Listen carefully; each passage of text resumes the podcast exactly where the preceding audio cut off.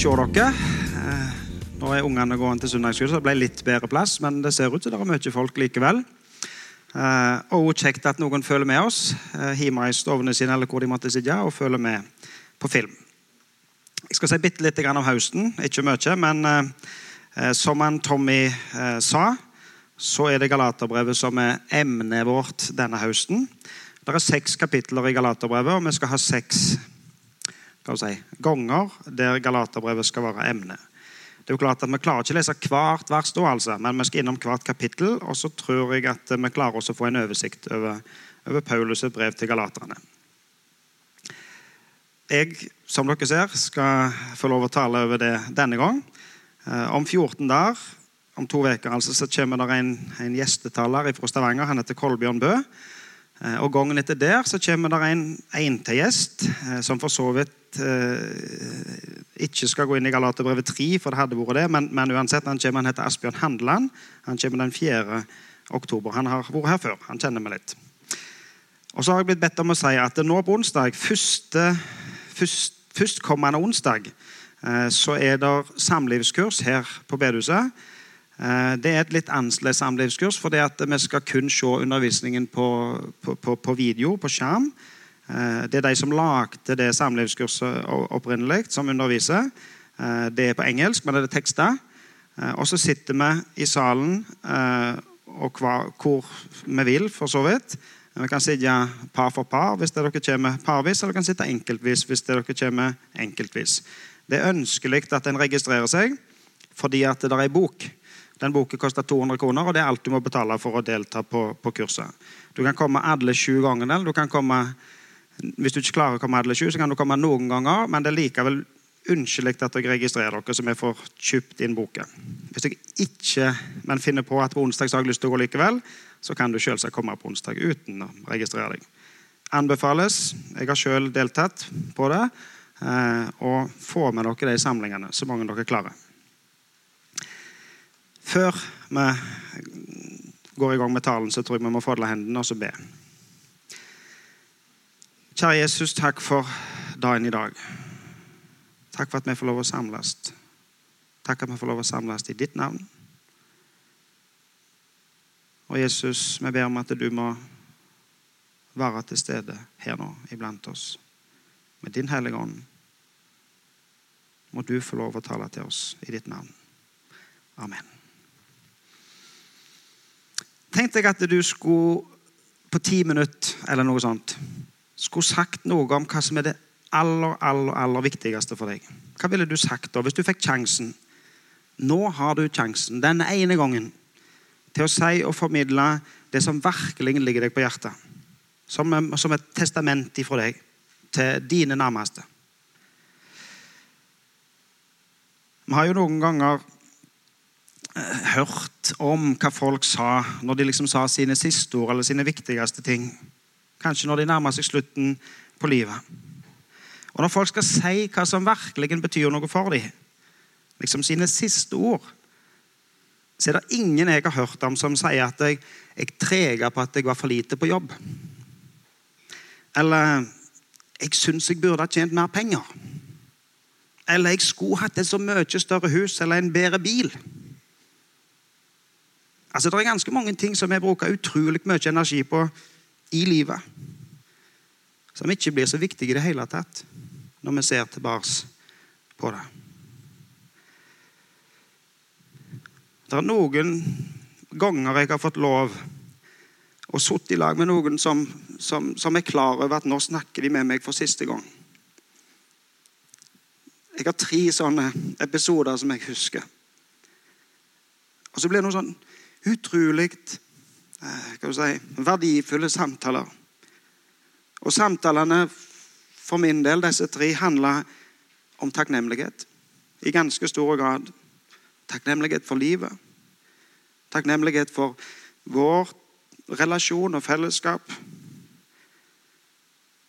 Men det som disse tre samtalene handler mest om for min del, var takknemligheten for å få lov å leve livet i lag med Jesus. Og så lå det sånn på hjertet til disse at jeg måtte få lov å leve livet mitt i lag med Jesus. Og så var det det viktigste å få lov å formidle. Lars, må du leve livet ditt i lag med Jesus. Denne høsten så skal vi bruke tid på Galaterbrevet. Og, og Galaterbrev er et sånt brev. Det er, liksom, det er liksom det viktigste Paulus vil ha sagt. Utrolig personlig. Og det er liksom som om du, Når du leser det, så hører du hvor stemmen hans skjelver.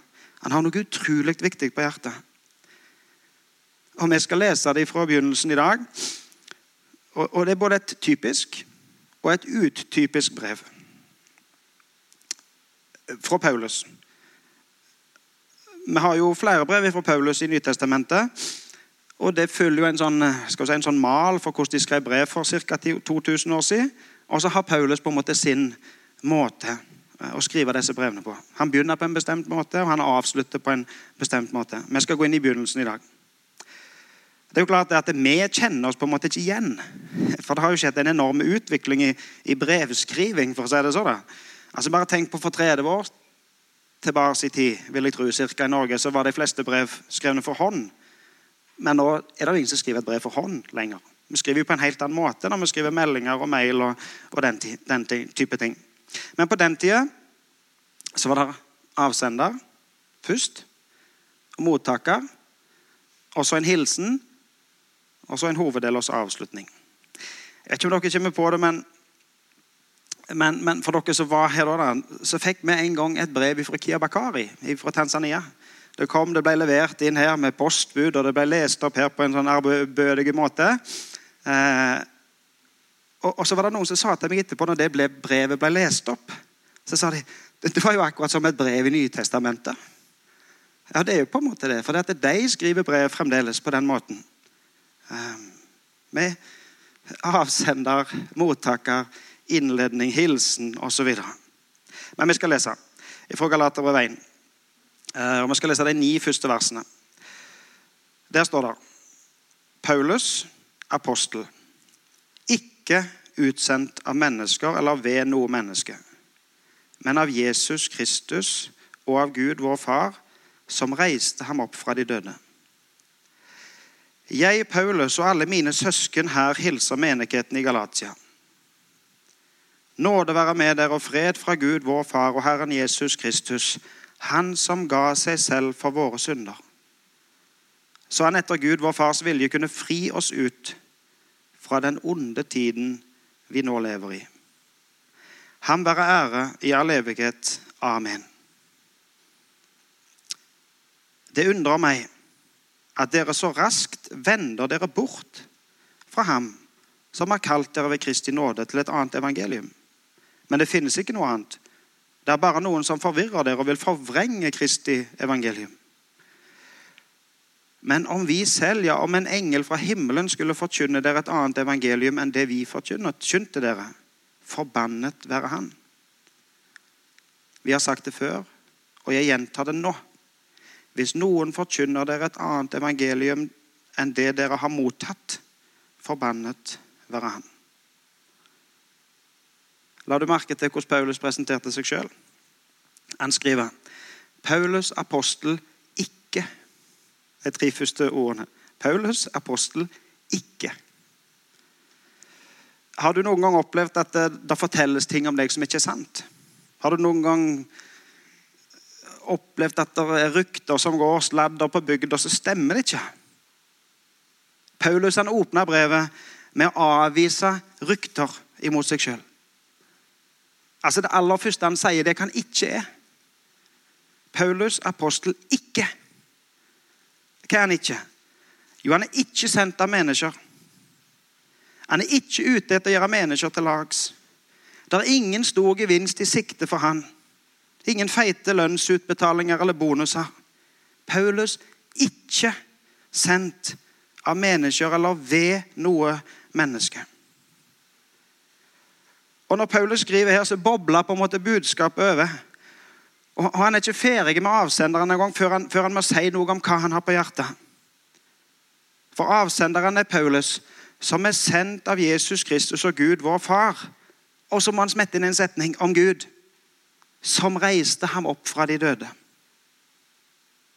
Dette handler ikke om meg, sier Paulus. Dette er ikke et budskap fra mennesker, men det er et budskap fra Gud. Han som reiste Jesus opp ifra de døde. Og Den setningen om at Gud reiste Jesus opp ifra de døde, den er faktisk så viktig at han på en måte må få anledning til å smette han inn her i innledningen. Ikke tro på de falske ryktene dere hører. Ikke hør på de som sier det, for de snakker ikke sant.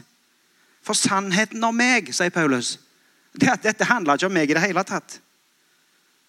Men det handler om Gud, som har makt nok til å reise Jesus opp ifra døden, til seire over døden. Og han har sendt meg med dette budskapet. Han er faktisk dette budskapet.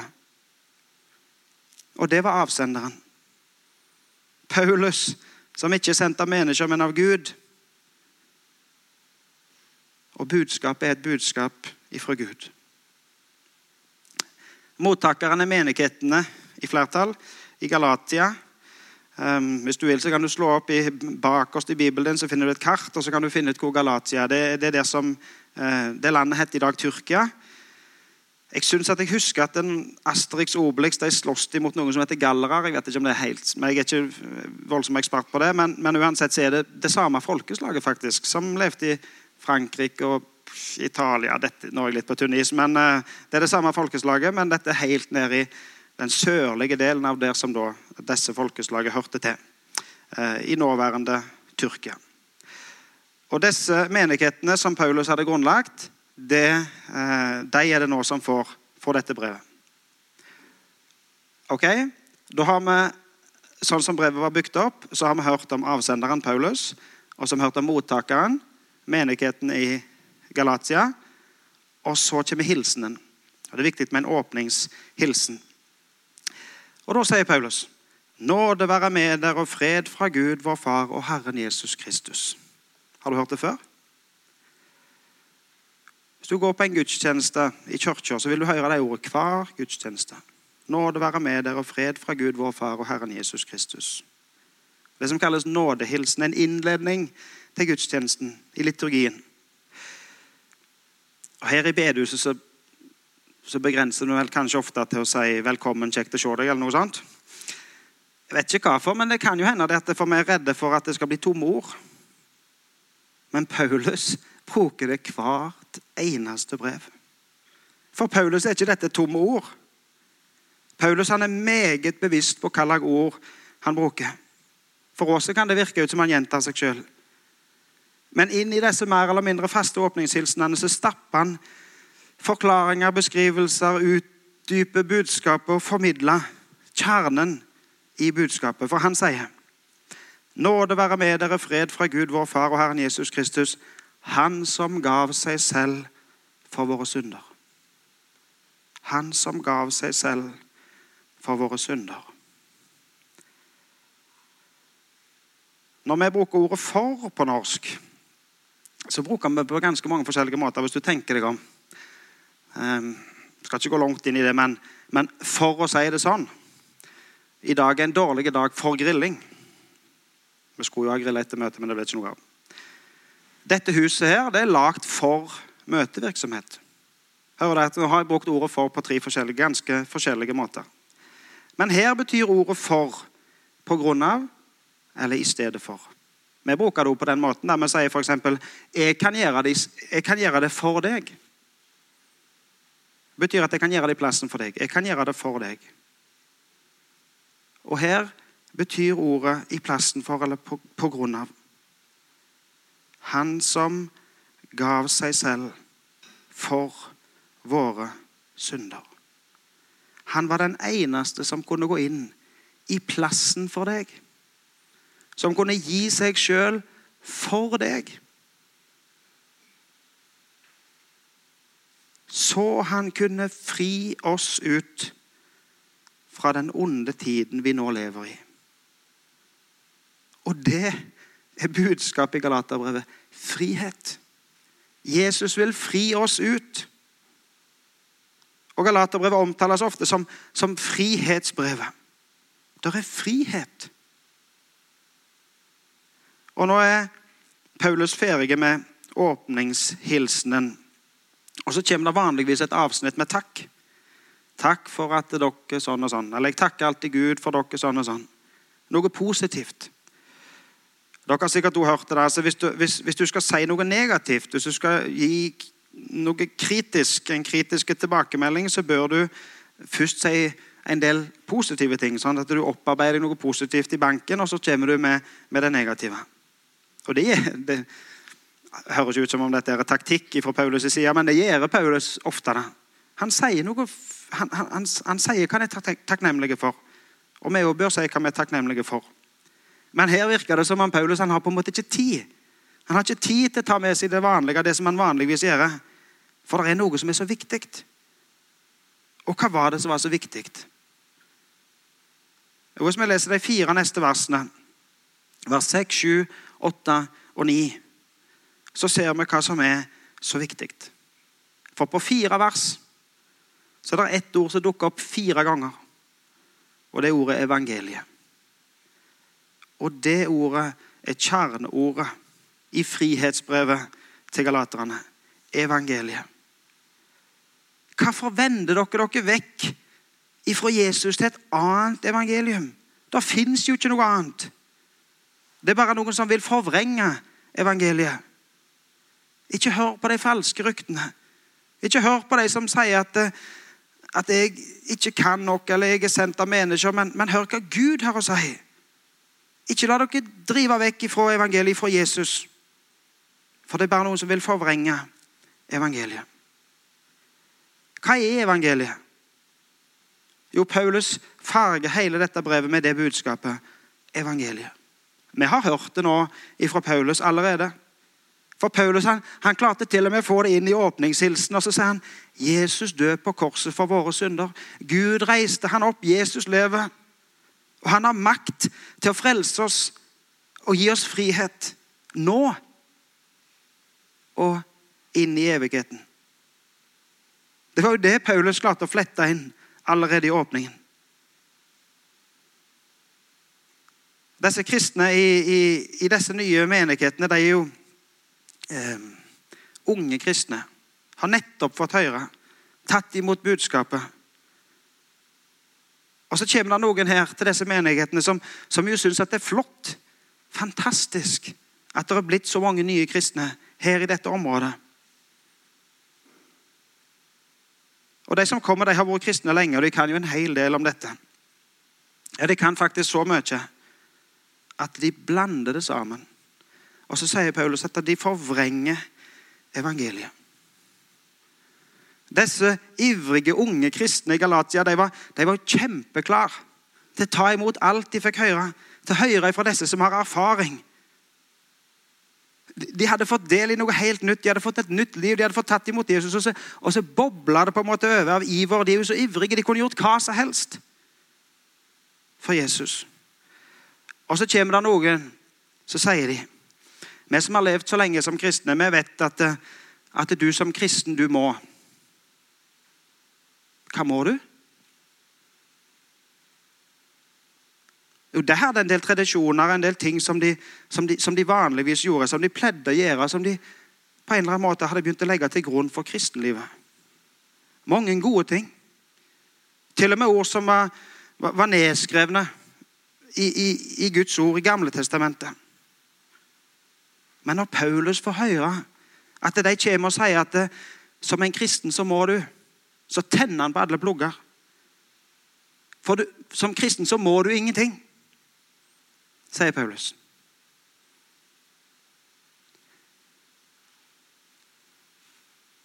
Dere må ikke tro på det budskapet som sier at nå skal dere tro pluss gjøre en del andre ting. For det handler ikke om tro pluss. Eller dere, dere må ikke tro når de sier at eh, jo, det er klart det er av nåde, men pluss litt egeninnsats. For det Paulus sier, at det handler kun om tro. Troen alene. Han Tommy han innleda møtet med å si at uh, dette brevet var det brevet som på uh, som var det viktigste for Martin Luther og reformasjonen. Som på en måte åpna øynene for nettopp det budskapet troen alene. Kun tro. Det handler ikke om tro pluss. en del ting som du skal gjøre. Men det handler kun om tro. Og det handler kun om nåde. Nåden alene. Helt gratis.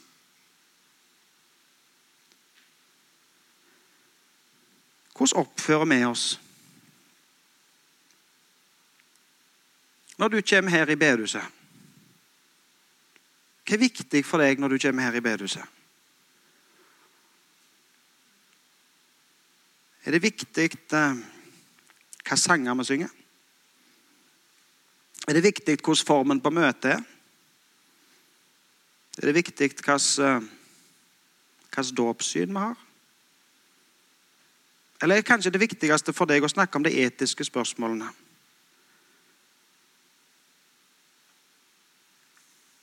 Det kan jo ofte virke så at når vi på en måte kommer i gang på sånne ting som vi er uenige om, så kan vi virkelig få en samtale.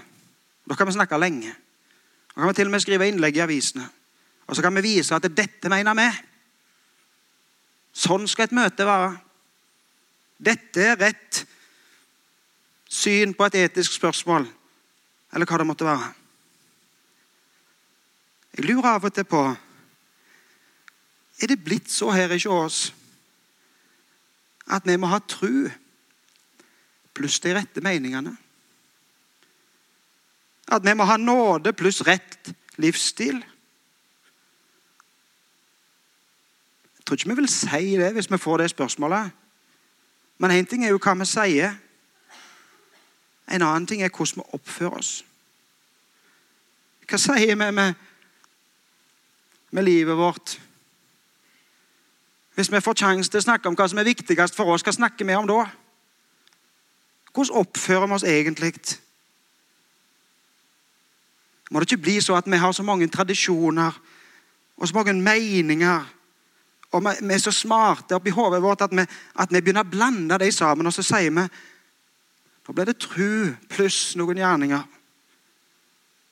Nå ble det nåde pluss litt egeninnsats. For det handler kun om tru. Det handler kun om evangeliet, om budskap om Jesus som gav seg sjøl for oss. Og For å bli frelst så handler det kun om å ta imot Han. Og det er bare nåde. Helt gratis. Ingenting annet i tillegg til det. Og når Paulus skal formidle dette budskapet, så dirrer stemmen. Dette er viktig. Dere kan mene hva dere vil om ditt og om datt. Ikke det at andre ting er ikke viktige. Dere må ikke misforstå meg. For det er viktig, selvsagt.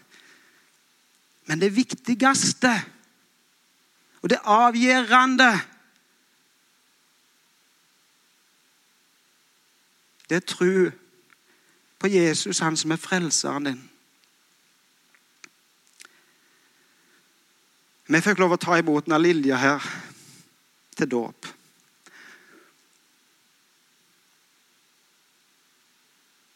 Lilja hun vet jo ikke engang hva hun mener om det.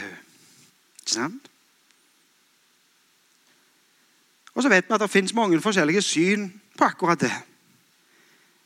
Vi her i denne forsamlingen vi tror. Og Sånn som vi leser vår bibel, så, så har vi tenkt at eh, de små skal få lov å bæres fram til Jesus i dåpen. Og bli døpt.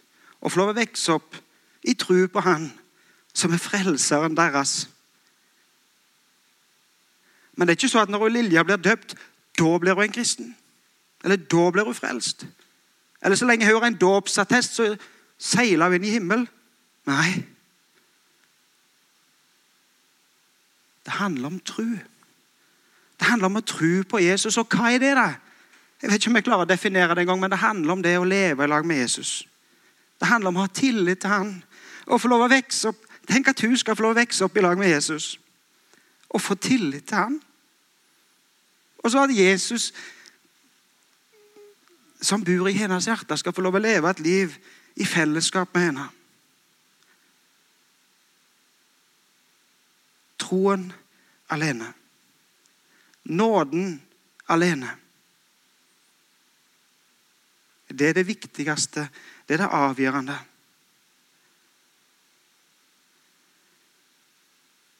Jeg er veien, sannheten og livet, sier Jesus. Jeg er veien, sannheten og livet. Ingen kommer til Faderen uten ved meg. Den eneste veien.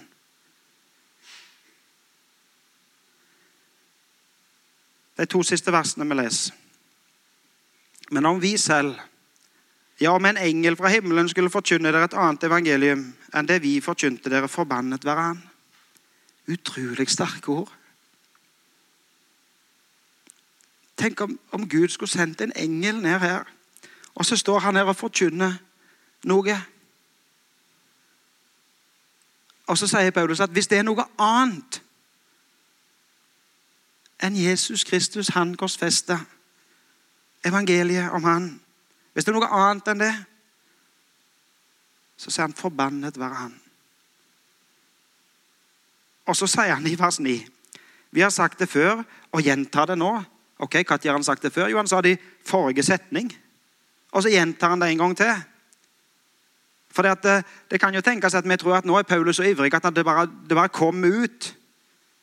Men Paulus er faktisk meget bevisst på hva han sier. Og så sa han jeg sa det i forrige setning, men la meg si det en gang til, så at jeg har det klinkende klart. Hvis noen forkynner et annet evangelium enn det som dere har mottatt, forbannet være han. Når evangeliet kommer, så handler det om å motta. Om å ta imot. Det handler ikke om at hvis jeg skal klare å forstå dette, så må jeg studere sånn og sånn, eller jeg må gjøre sånn og sånn, eller jeg må gå gjennom visse ritualer sånn og sånn. Det evangeliet som dere har mottatt. Hvis det kommer noen og sier noe annet, så sier faktisk Paulus det så sterkt at han er forbanna. Og det gjelder òg for oss i dag. Må vi få lov å ha det sånn at vi kan forkynne og formidle, både med ord og med liv og med gjerning, at Jesus han elska hvert eneste menneske så høyt at han gikk i døden for hver og en. Og det er det budskapet som vi skal få lov å ta imot og tro på Han.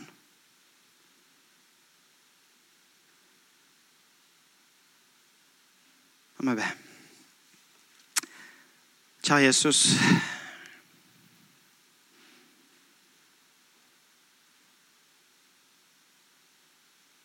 Må du tilgi oss for alle de gangene vi legger noe til. Og så er vi av og til så klønete når vi bruker ord og handlinger at vi ikke får det sagt sånn som vi vil eller burde, eller vist det på den måten som vi ønsker. Men må du gjøre det så, Jesus, at vi må få lov å forkynne, formidle, vise.